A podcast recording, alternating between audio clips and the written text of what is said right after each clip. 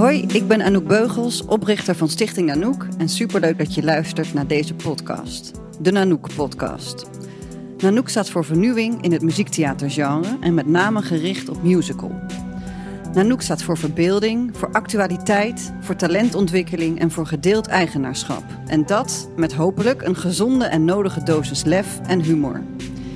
In deze podcasts hoor je in alle transparantie van alles over onze voorstellingen, door making-ofs, door interviews en een aantal lezingen of voorstellingen komen zelfs deels of in zijn geheel op dit kanaal te staan. Dit doen we om je mee te nemen in alle facetten van het maakproces. En daarnaast willen we echt graag feedback en een open dialoog met iedereen die dezelfde fascinatie heeft voor dit mooie, complexe vak. Dus abonneer je om niks te missen, om op de hoogte te blijven van de ontwikkelingen en draag je steentje daaraan bij en laat ons dus weten wat je ervan vindt. En heb je goede ideeën? Kom maar door. Hoi, mijn naam is Diede Vonk. Ik ben maker en host van deze podcast. Je luistert naar het tweede deel van de making-of van de voorstelling Niet Antigone. Ik neem je mee in het maakproces en alles wat daarbij komt kijken. Als je het eerste deel nog niet hebt gehoord, raad ik je aan om deze eerst even te luisteren. Ik denk dat ik er echt uitkom als de slechterik. Zo voelt het. Ja, het is gewoon heel moeilijk om in dit vak een plekje in te nemen. Vandaag hoor je hoe het afgelopen is met de discussie of Amanda ook als performer op de vloer gaat staan. Ik heb Charlotte denk ik wel vijf keer bericht met ik zie het niet zitten. Ik weet het niet, ik weet het niet Charlotte, het wordt helemaal niks. Hoe het gaat met het maken van het stuk en het vinden van een cast. En of het gelukt is om die hoognodige subsidies te krijgen. Hoe doe je dit en hoe doe je dit ja, netjes of zo? Of doet iedereen dit zo? Maar klopt dat eigenlijk wel? Ook hoor je al wat muziek uit de voorstelling. Niet Antigone is een modern antwoord op de tragedie van Sophocles. Een nieuw gecomponeerde muziektheatervoorstelling die speelt met de conventies van het genre musical. Amanda neemt ons mee in hoe het verder ging na de vorige meeting, waar deel 1 van de making-of eindigde. Zal het haar lukken om een aanpassing te maken die klopt bij de inhoud en waar iedereen blij mee is? Die meeting die, die, die stopte met de, eigenlijk met de conclusie: volgens mij moet het helemaal anders. We kunnen het er nog wel over hebben, maar volgens mij gaat alles veranderen de, voor de volgende keer. Dus nou, dat is nog een manier om een, om een meeting af te sluiten. Want dat betekent eigenlijk voor mezelf uh, opnieuw beginnen. Terug naar de tekentafel. Waar, waarom moest alles anders? Nou, omdat het niet een vertaling moet worden van het verhaal van Sophocles. Maar het moet een bewerking worden. Eentje uit deze tijd. Eentje waar, waar ik kies voor een bepaald thema of een bepaald punt uit het verhaal. Iets, iets waarom, het, waarom het alleen geschreven kan worden door door, door mezelf en niet uh, door iemand anders. Dus, nou ja, dat is nogal wat om de kerstvakantie mee in te gaan. En ik zou op zondag, we zouden op een zondag afspreken en die woensdag uh, in de nacht. Nou, ik zat er heel erg mee. Ik, ik, ik heb Charlotte denk ik wel vijf keer bericht met ik zie het niet zitten. Ik weet het niet. Ik weet het niet, Charlotte. Het wordt helemaal niks. Um, en toen opeens om half twee s'nachts, want ik krijg meestal een soort inspiratie als het, als het nacht wordt. Als ik besluit eindelijk rustig te worden, dan word ik heel druk in mijn hoofd. Dus ik lag in bed en uh, opeens begint mijn hart sneller te kloppen met een idee. En als mijn hart sneller klopt met een idee, dan weet ik meestal: oké, dit klopt. Dit is, dit is goed. Uh, volgens mij moet ik dit gewoon opschrijven. Dus ik, uh, nou, mijn bed uit, koud, uh, dat opschrijven en dan de volgende ochtend kijken of ik er nog steeds in geloof. Nou, dat was het geval. Dat was volgens mij woensdagnacht en ik zou donderdag een lezing hebben met Charlotte en Anouk. Dus ik had, ik had even door te werken op donderdagmiddag. En toen hadden we een lezing en dat was eigenlijk heel leuk. Toen zag ik voor het eerst dat ik de voorstelling zag.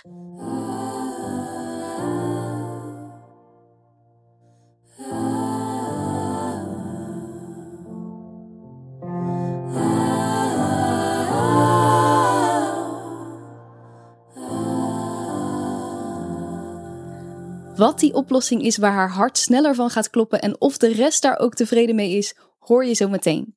Eerst even naar de financiën, wat ook een lastig vraagstuk blijft. En ik heb ondertussen als een malle huidend subsidieaanvraag zitten schrijven. We zijn dus nog in afwachting van het FPK. Dus daar komt natuurlijk het grootste bedrag vandaan. Ik laat dat meteen weten als ik iets eh, weet natuurlijk. Maar het is steeds zo spannend, want dan kijk je zo op je... Dat, je weet ook niet precies wanneer het komt. Dus dan open je zo je mail en denk je... Oh, uh, uh, subsidie van Rotterdam. Terwijl je in een repetitie zit en denk moet ik het nou openen of niet? Ja. en ja. dan toch openen, omdat ja, je het toch niet kan laten. Ja. Super kut. ja, dus ik laat het weten van het FPK meteen. Ik heb van Rotterdam subsidie gekregen, maar een vierde van wat ik heb aangevraagd. Dus dat oh. is toch wel een ding. Ja, shit. En bij Elise Mathilde de helft. Dus het is en fijn en zodat je denkt, oh, fucking hell. Oké. Ja, dat is ook gewoon heel heftig met die, ja, dat weet je denk ik ook wel, die met zo wachten op subsidies. En ondertussen wel al bezig zijn en jezelf niet uit kunnen betalen. Dus ja, dat, zit, dat roept ook weer allemaal andere vraagstukken. In ieder geval bij mij ook op. Ja, het is voor mij eigenlijk steeds een totaal in, innerlijk geweten gesprek tot nu ook steeds de afweging maken van wat hebben Amanda en Charlotte hier zelf aan? Is dit goed voor hun eigen leerproces? Hoe lang kan je dat nog zeggen zonder dat je mensen uitbetaalt? Ik betaal mezelf ook niet uit. Hoe lang ga je dat doen? Hoort dit bij een opstartfase? Als er geld komt, hoe ga je dat dan verdelen? Wat is eerlijk? Wat, hoe lang ga je dit volhouden? hoe ga je om met het systeem wat er is en hoe zou je dat ergens dan kunnen veranderen? Of dat bedoel ik met een soort innerlijk gesprek de hele met mezelf. En ook wel, kijk, Aman en Sharstaan, die krijgen hier nog niet voor betaald. En dat heb, is ergens ook besproken. Maar er was ook geen andere optie. Dus in hoeverre. Snap je? Hoe doe je dit? En hoe doe je dit ja, netjes of zo? Nou, ik denk dat wij dat echt supergoed doen. Dat is gewoon alles opengooien de hele tijd. Ja, dat denk ik ook. En dat werkt gewoon heel goed voor ons, toch? Ja, nee, dat werkt voor mij ook goed hoor. Maar ik weet niet of het zo zou moeten werken.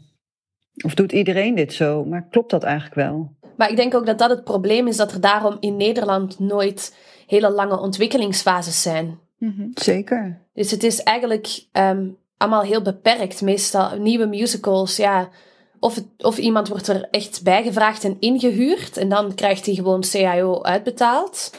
Of, um, ja, of het is echt een passieproject van begin tot einde. En dan, en dan is er hopelijk ooit geld. Ja, en het is ook ergens een strategisch ja, spel, is net te lelijk, maar bij in ieder geval ook bij Antigone de uh, subsidieaanvraag, dat je de hele tijd ook en probeert trouw te zijn aan het project wat het is, maar ook probeert het goed te verkopen en ergens op te schrijven wat ze willen horen. Maar dat is ook weer een interpretatie van wat je denkt wat ze willen horen.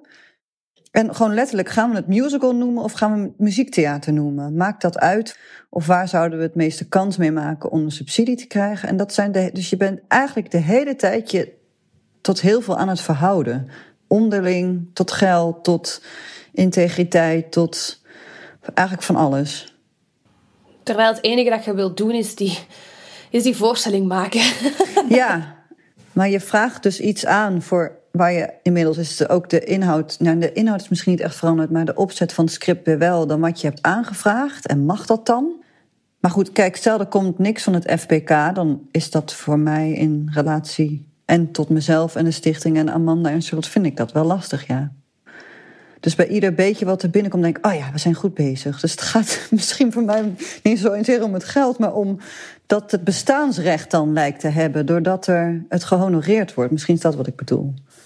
Dat bestaansrecht, dat loopt echt tegen eh, je artistieke concept in. Dus je bent jezelf aan het bewijzen voor, voor mensen die bepaalde begrippen willen lezen in die aanvraag, of een bepaalde zin of uh, constructie. Terwijl je een voorstelling aan het maken bent. En ja, dat loopt echt naast elkaar. Ja.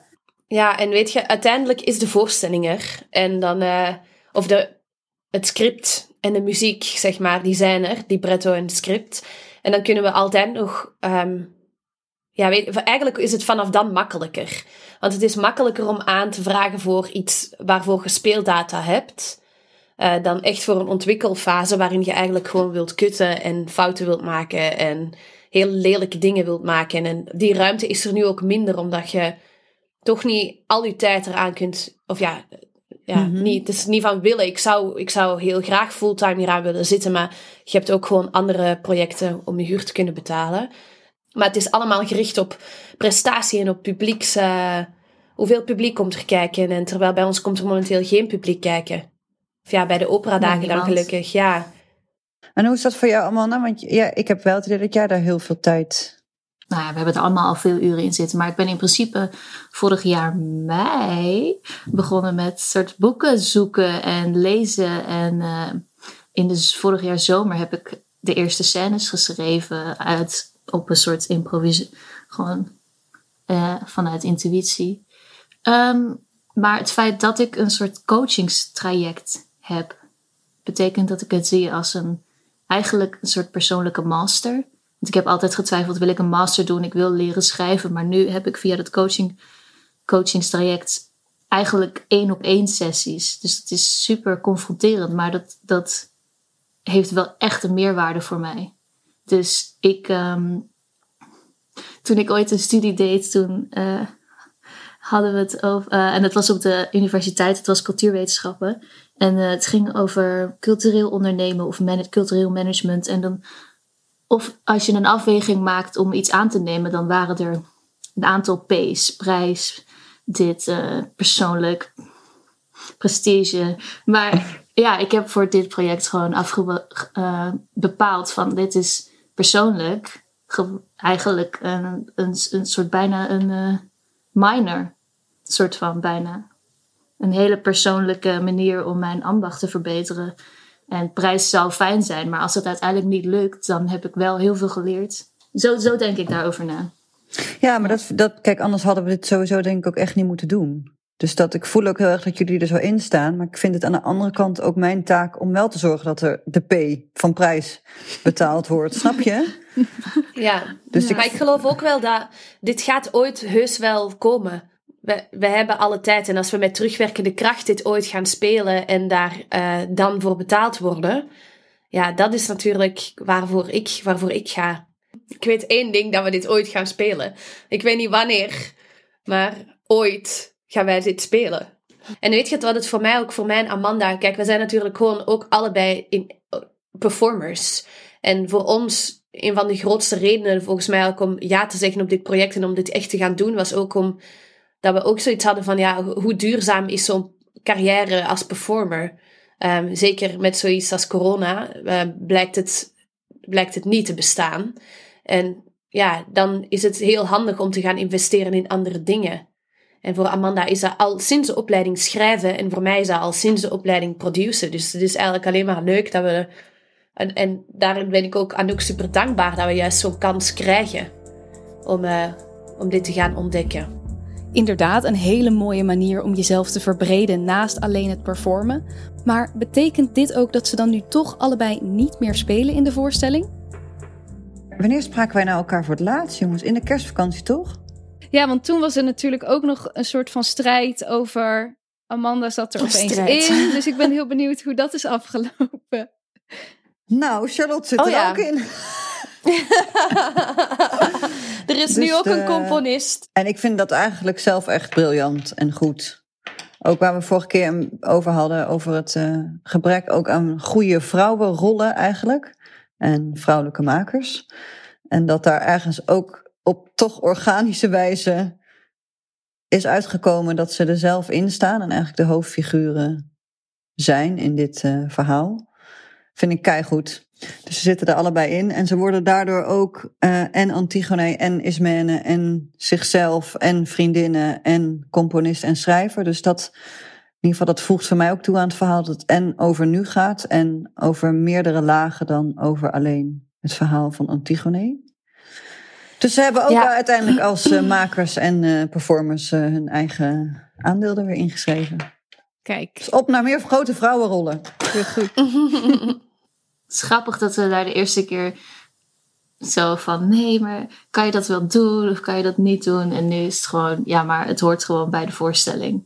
Dus dan is het niet een motivatie vanuit: ik wil ook op het toneel staan, maar voor mij een motivatie vanuit waar mijn bron ligt voor het schrijven van deze Antigone. En eigenlijk is dus ook onderdeel van het proces, is onderdeel geworden van Antigone. Dus ook met dank aan Charlotte ook om het zo eh, open te breken toen en zo. En dat ook op tafel te leggen dat is dus ook niet voor niks geweest. En is eigenlijk een sleutel geworden ook volgens mij weer juist in de zoektocht van Amanda om hoe het naar, ook naar het nu te trekken. En daar een betekenis aan te geven vanuit uh, de huidige situatie en de huidige tijd. Dus daar, ik ben daar echt heel blij mee. Dus dat is daar uitgerold. Oké, dat is gelukkig opgelost. Maar hoe ver zijn ze dan nu met het maken van het stuk? En wie gaan het eigenlijk spelen? Uh, ik heb zondag de eerste versie gemaild. Oeh. En uh, dat is best wel spannend. Um, maar nu begint het wel op een voorstelling te lijken. Dus nu denk ik, oké, het, het, hele. Het hele frame is er, het hele idee is er. En nu is het alleen nog maar hoofdstukjes, soort van tussendingetjes aanpassen. In plaats van waar ik de hele tijd tegenaan heb gehikt, het einde gewoon openlaten omdat ik het te eng vind om aan te beginnen. Dat heb ik nu wel gedaan. Dus ik ben benieuwd wat jullie ervan vinden. Wat heb je gedaan? Wat zei je als laatste? Dat ik het einde heb geschreven. De confrontatiescène. en uh, wat nog meer. Gewoon. hoe, hoe iedereen sterft eigenlijk. ja. Leuk. Zeker. Dus ja, Amanda versie 1 is uh, gestuurd. En hoe werkt dat eigenlijk met de muziek? Is alle tekst er dan al? Of komt de muziek eerst? Ja, het is wel zo dat meestal heeft Amanda wel echt al tekst geschreven. Ik ga daar wel een beetje vrij mee om vaak. Kijk, ik denk natuurlijk wel heel erg in de context van een... Uh, in, in de typische context van een nummer. Uh, als in couplet, refrein, couplet, bridge of zo. En uh, Amanda niet. Dus, um, toch? Ja, maar je hebt, laatst, je hebt laatst ook gezegd, nu lijken alle nummers op elkaar. Qua couplet, refrein, couplet, refrein. Of qua ja, zinsopbouw. Dus ik heb ook juist in de eerste versie soort van... Surprise! Zoek het Surprise. uit. ja, ik, heb, ik zag al... Ja, exact. Ik zag al, uh, ik dacht al, oeh, spannend. Ja, nee, ook dus, omdat uh, dat jou uitdaagt, denk ik dan. Ja. Zo van, zoek het maar uit. Je weet toch niet wat mijn idee is. Ja, dat vind nee. ik leuk aan zo samenwerken. Charlotte en ik kennen elkaar natuurlijk heel goed, maar zij verrast mij constant met de muziek. Dat ik denk, waar komt dit nou weer vandaan? En ik hoop dat ook te doen met het script. Dat ik denk, ja. ik heb volgens mij nu een nummer met hele lange zinnen. Ja, ik zag En dan moet zij, niet, ja, ja, moet zij het gaan, gaan oplossen. Ja, en uh, ik heb letterlijk de enters gewoon eruit gehaald. Om eruit te dagen. Ja. ja, en uh, met een ander nummer. Dat is een nou, dat is, dat is wel, wel echt samenwerken. Toen, ja, uh, ik weet. toen stuurde jij gewoon een app van... Volgens mij moet dit een nummer worden. En dan zingt Charlotte een soort half Engels overheen. En het, maar, weet je, ja. Puur geïmproviseerd gewoon zo. Af en toe op klank, af en toe een zin. Uh, af en toe, dus zo, af en toe. Hoe ik, uh, yes, I want to. Zo. en dan heb ik zo goed mogelijk die improvisatie intact proberen te ah. houden. Ja, dat um, was heel ook, grappig. Ook vanuit het concept dat de componist dus later meer invloed krijgt ja. in de voorstelling dan de schrijfster. Ja, het is wel leuk om te zien ook hoe de muziek eigenlijk uh, groeit. Met, uh, ik durf wel veel meer toe te geven aan wat ik wil maken. En dat is wel dat is heel dubbel soms, omdat je wilt niet iets heel makkelijks maken of iets heel simpels, want dan denk je, uh, vies popnummer.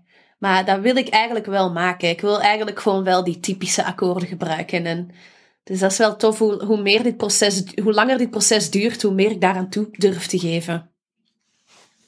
Ik ken dat, dat denk ik wel, ook in tekst. Dat ik denk, dit is echt heel cheesy. Maar in popmuziek, als het hele simpele dingen kunnen juist ontzettend goed werken. Wie doen er eigenlijk nog meer allemaal mee? Is dat al duidelijk?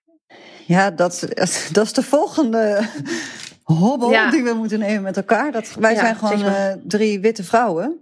Dus we zitten ook uh, te kijken hoe we diversiteit moeten doen. Of erin moeten brengen. Dat is ook gewoon een puzzel. Maar dat er uh, andere acteurs met een andere achtergrond bij moeten komen. Dus en afkomst en opleiding, denk ik. Mm -hmm. Want er zijn natuurlijk ook wel allemaal codarts. Dat moeten we wel gaan proberen. Ja, en daarnaast komt dus ook nog dat het uh, vocaal echt pittig materiaal is. Um, dus je kunt ook niet zeggen van. Veel, uh, ja. ja, je kunt ook niet zeggen van, oh, studeer maar even in. Want dat is ook wel het ding, iedereen is score in essentie, hè, hoe nu het stuk is, toch Amanda? Dus het is niet zo omdat je uh, Antigone zijt of Creon zijt, dat je niet moet meedoen aan. Of, en dat je niet dus ensemble eh, tracks moet zingen in andere nummers. Dus dat is misschien ook wel een groot verschil met een normale musical of zo, waarin je gewoon je rol doet. En als jij de hoofdrol zijt, ja, dan moet je eigenlijk niet. En het koor, nee, Mm. dat klopt. Ja, moet je niet in het koor en hier wel. Dus dat is ook wel, ja, dan moet je studeren. En, dan, en dat is ook uitproberen. Dus dan moeten ook mensen zijn die dat leuk vinden. Die dat niet erg vinden om niet de lead te hebben. Die dat, even bedoel. En dan zit je gelijk weer in je eigen vijver te vissen. Mhm. Van mensen die bij je in de klas zaten of die je heel goed kent. En dan zit je weer al in de kooldartsvijver met witte meiden te vissen. En dat is gewoon, daar wilt je juist uit. Je wilt ook je netwerk openbreken en andere mensen erbij betrekken. En eh, dat is gewoon een super moeilijke discussie. Of ja, dat is geen discussie, dat is gewoon de waarheid. Een zoektocht, Ja, letterlijk, naar wie je kent. ik wil dat ook helemaal niet doen. Ik, voel, ik heb ook de hele tijd het gevoel, ja, zo, eh, al het nare wat ik altijd voel bij audities. ik- En dat heb je nu zelf in de hand. En dan denk ik zo, maar je hebt het ook niet in de hand, want je kunt ook niemand, of niemand echt betalen. Dus het is echt, ugh.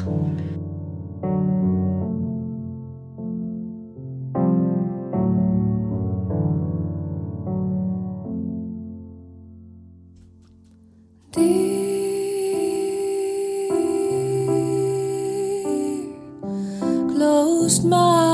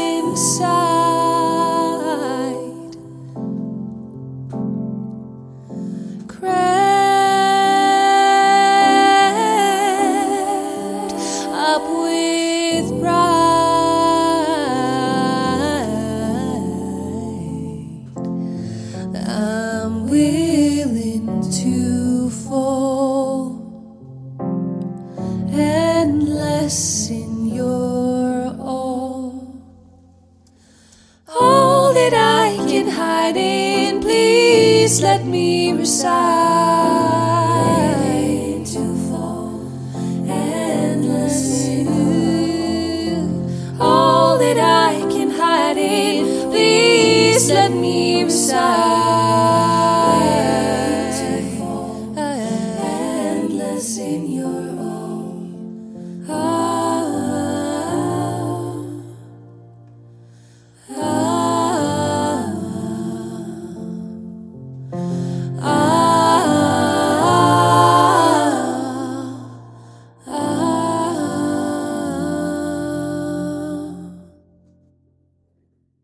Gaan weer een aantal weken overheen. Het O-festival wordt, zoals veel festivals in deze tijd, verplaatst van mei naar augustus. Stiekem misschien ook wel fijn.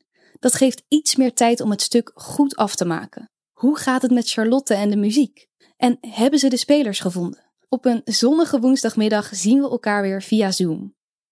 Volgens mij is de laatste keer dat wij elkaar gezien hebben 10 juni in de avond. En dan hebben we een lezing gepland. En dat was best een lange tijd. Er zat best wel een periode tussen. Dus het was wel leuk om elkaar. Om eh, ja.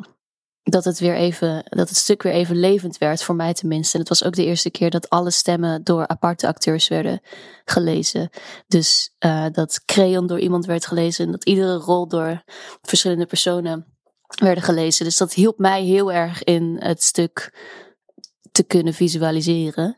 En eh, daarna hebben we het gehad over wat er nog anders kan. Wat mij daarvan is bijgebleven is dat de relatie tussen zeg maar, de schrijver en de componist verder uitgewerkt moet worden. En dat het een link moet krijgen met de inhoud van Antigone of het personage Antigone en Ismene. En dat En de schrijver en de componist zijn dus Char en Amanda. Ja, precies. En dat de eh, eh, Mees, die leest de regieaanwijzingen, dat die zich zelfs misschien ook ermee gaat bemoeien. Dus de cast is inmiddels ook, of de cast voor de lezing is in ieder geval inmiddels ook rond. Dus daar, eh, en dat gaan we in drie repetitiedagen die nog komen. Dus iedereen heeft natuurlijk wel nu al de muziek een keer gelezen en ingestudeerd. Of apart een afspraak met Charlotte gemaakt. En um, in drie dagen gaan we eigenlijk die lezing daarna in elkaar zetten. Dus dat is waar we nu staan, denk ik. Ja, en we betalen het nu van in ieder geval dit gedeelte voor. Uh, we hebben van Droom en Daad, die heeft een makersloket uitgezet voor mensen in Rotterdam. En daar hebben we aangevraagd en gekregen. Ja, dus dat is super fijn. Oh ja, die subsidies. Er was toch ook nog een uitstaande aanvraag bij Fonds Podiumkunsten. Hoe liep dat af? Kreeg Charlotte veel meer geld dan Amanda? Ik checkte het na afloop nog even met Charlotte en daar kon ze kort over zijn. Nou, we hebben geen subsidie gekregen. Dus uiteindelijk was er ook helemaal geen probleem. Er moest er niks verdeeld worden, want er viel niks te verdelen. Ai. Maar gelukkig dus wel vanuit een andere hoek iets van geld. En we hebben nog een hele goede meeting met Jeroen gehad, hè, Char, over de muziek. Dus daar gaan we ook nog nieuwe dingen in uitproberen. En dan kan jij misschien beter vertellen, Char, wat je daarvan is bijgebleven. Ja, um, sowieso hadden we daarvoor voor het ook een muzikale repetitie gehad voor het eerst. En dat oh. was, uh, dat was superleuk voor mij. Ja, omdat um, alles komt dan toch tot leven. En vooral omdat er waren ook veel dingen. Ik heb natuurlijk alle demo's uh, geproduced en gemaakt, zeg maar, achter mijn laptop while producing. En um, ik zong alles gelijk in, dus er was meteen resultaat, zeg maar. Maar toen ik de platmuziek moet, ging maken, heb ik best nog wel veel veranderd hier en daar. Dus dat was leuk om dat eindelijk te horen, door allemaal verschillende stemmen. En ook heel raar of zo. Ik, ik was ook een beetje afstandelijk of zo, omdat je ook zo niet goed snapt dat jij het materiaal dan hebt gemaakt. Ook omdat je het al zo lang geleden hebt gemaakt. En dan opeens, dus ook nog daarvan, ik ben dit nu aan mensen aan het aanleren, dus dat was wel pittig. En dan inderdaad hadden we afspraak met Jeroen, daar was ik best een beetje voor gestrest. um, en dat was ook een beetje lullig, weet je. Ik had zo mijn MacBookje en daaruit kwam dan de muziek. Dus dat was dan ook een beetje ja, dat klonk allemaal een beetje lullig.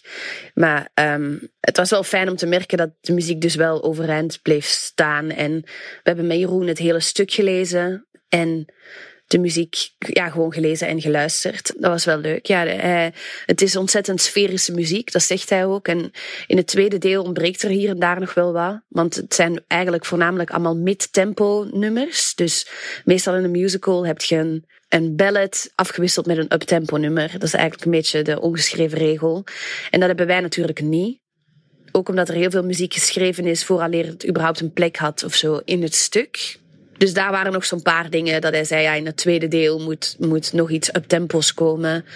Uh, volgens mij hadden we letterlijk de, die week hadden we die lezing. Dus dat was ook wel heel fijn om dan ik kon dan met, met dat oog kijken naar de algemene lezing. Van oké, ja, waar kan er nog een underscore of waar kan muziek zich nog verder ontwikkelen? Maar ik denk dat er een heel helder thema is. En uh, die komt ook een paar keer terug al. Dus dat, ja, dat was heel helder. Heel fijn. Het, het wordt nog spannend om dan uiteindelijk alles door andere mensen gezongen te horen worden. Want we hebben voornamelijk koorpartijen ingestudeerd, maar nog niet de solopartijen. En het is echt, het is echt heel pittige muziek. Ik bedoel, als ik nu een concert zou moeten geven, zou ik me echt doodstressen. Want ik heb dit geschreven terwijl ik heel relaxed in mijn bureaustoel zat. En uh, ja, dan gaat je echt heel laag en heel hoog. Want je bent in opperste ontspanning. Maar ja, als je moet performen is zoiets wel pittig. Dus um, ik ben benieuwd. Arme mensen. ja. Ja, echt. Uh, en daar in drie dagen, ja. Oh my god. Mijn god. In drie dagen. Super moeilijke muziek instuderen met een nieuwe groep mensen. En natuurlijk nog de tekst. Ik word er zelf bijna een beetje zenuwachtig van. De voorstelling op O-Festival komt steeds dichterbij. Hoe staan Amanda en Charlotte er nu in? Vinden ze het spannend om zo voor publiek te gaan spelen?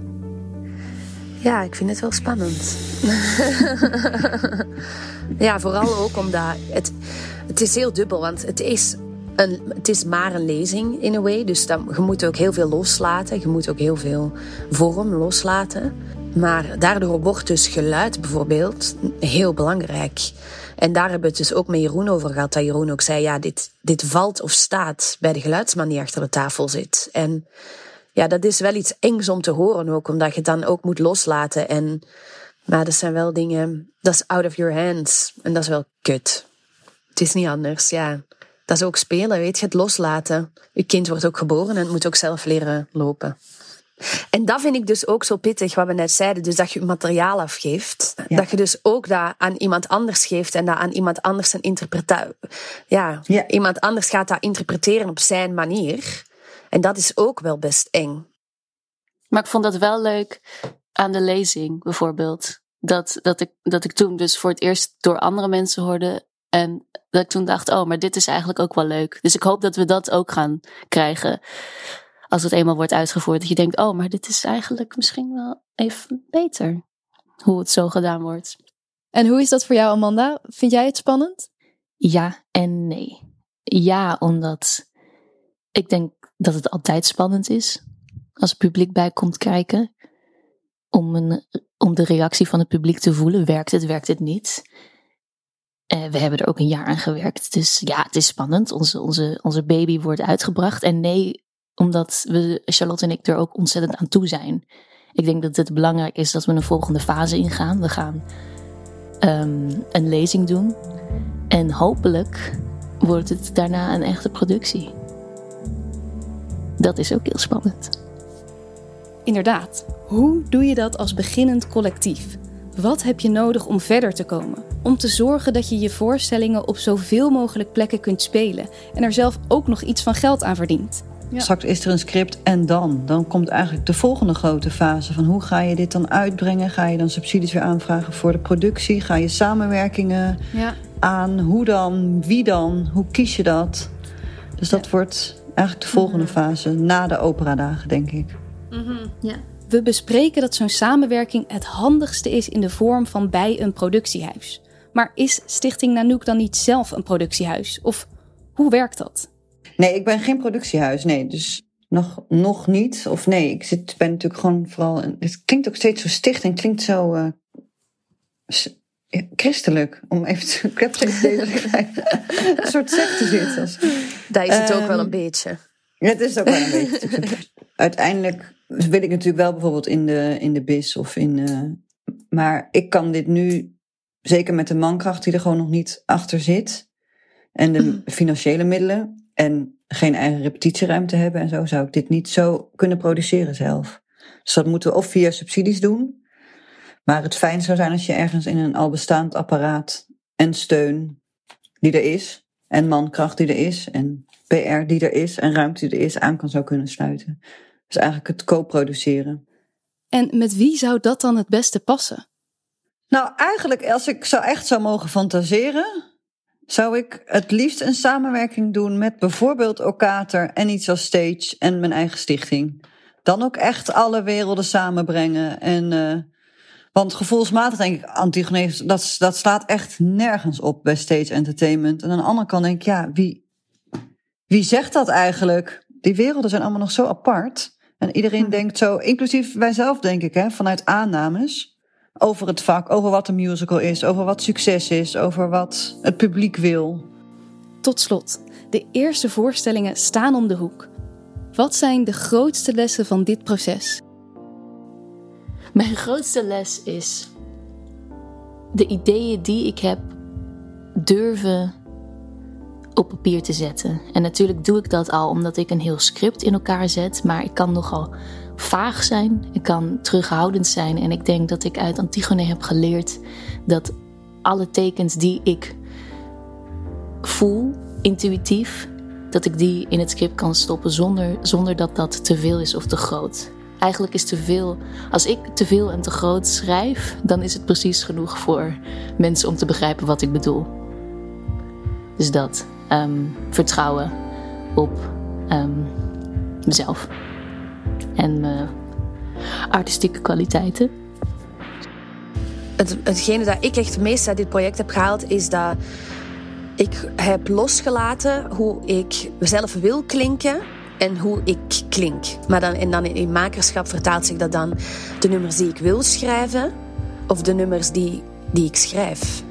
Uh, die veel minder ingewikkeld zijn dan soms de nummers die ik wil maken. En dat, dat is echt een, de nummers die ik in het begin van het proces heb geschreven, die, ja, die zijn allemaal heel ingewikkeld en soms een beetje pittig en raar. En eigenlijk de nummers die uiteindelijk, de, laatste, de latere nummers die ik heb geschreven, zijn allemaal heel simpel en uh, ja, veel meer vanuit mijn hart geschreven. Maar ja, en ik hoor ook van de meeste mensen dat ze die nummers juist heel mooi vinden.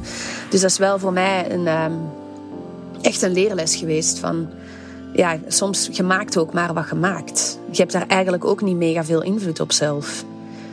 Dus dat is, um, dat is mijn grootste les geweest. En voor jou dan ook, subsidiegewijs. Wat was jouw grootste les in het voorbije jaar? Jezus. Ja, ik heb het idee dat ik er nog steeds in zit. Dus ik, weet, ik denk eigenlijk het leren, ja, eigenlijk hetzelfde. Het leren loslaten of de, de timing, wanneer je nou moet loslaten en wanneer je een, een stapje erbij moet doen of moet doorpakken. Dus dat leren herkennen en daarop vertrouwen. Dus ik vind, dat is grappig, want ik dacht, vind ik het nou eigenlijk spannend? dat weet ik eigenlijk niet. Want ik vind, zeg maar, alle, ik vind het eigenlijk helemaal niet spannend als ik aan jullie denk. Maar als ik aan alles eromheen denk, dan krijg ik het gewoon helemaal benauwd. Dus dat is denk ik mijn grootste les ook. Ehm, dus dat om dus ik vertrouw heel erg op de inhoud en op het script en op jullie en op de, de repetities. Maar daar zijn soms, daarin ben je weer afhankelijk van andere dingen. En ik vind dat heel spannend. Dus in repetities kan ik heel automatisch weten wanneer ik los moet laten en wanneer je iets moet. Dat, daar, dat gaat voor mij super automatisch. En dat is denk ik ook eigenlijk uiteindelijk mijn grootste kracht. Maar alles eromheen, dus nu zo half als producent en als stichting daar alles omheen moeten doen, dat vind ik echt die vind ik echt moeilijk. Dus ik vind dat spannend. En daarom weet ik soms totaal niet wanneer je nou nog een extra mailtje moet sturen en wanneer je het los moet laten. Of... Maar ja, ik denk wel dat het, ja, die dagen, dat we ook gewoon moeten gaan genieten van dat we, dat, dat we dit gemaakt ja, hebben. is dat wel het belangrijkste. Ja. Dit was het tweede deel van de making-of van Niet Antigone. Wil je weten hoe de voorstelling geworden is? Niet Antigone speelt voor het eerst op het O-festival op 27 augustus in Rotterdam. We hopen je daar te zien. Hoor je deze podcast pas na die tijd? Check dan www.stichtingnanoek.nl voor de actuele speellijst. De muziek die je hoort is van Charlotte Dommershausen en zul je ook terug horen in de voorstelling. Deze podcast werd gemaakt door mij, Diede Vonk, en is een productie van de Makers Podcast. De audiobewerking werd gedaan door Sonja Vos.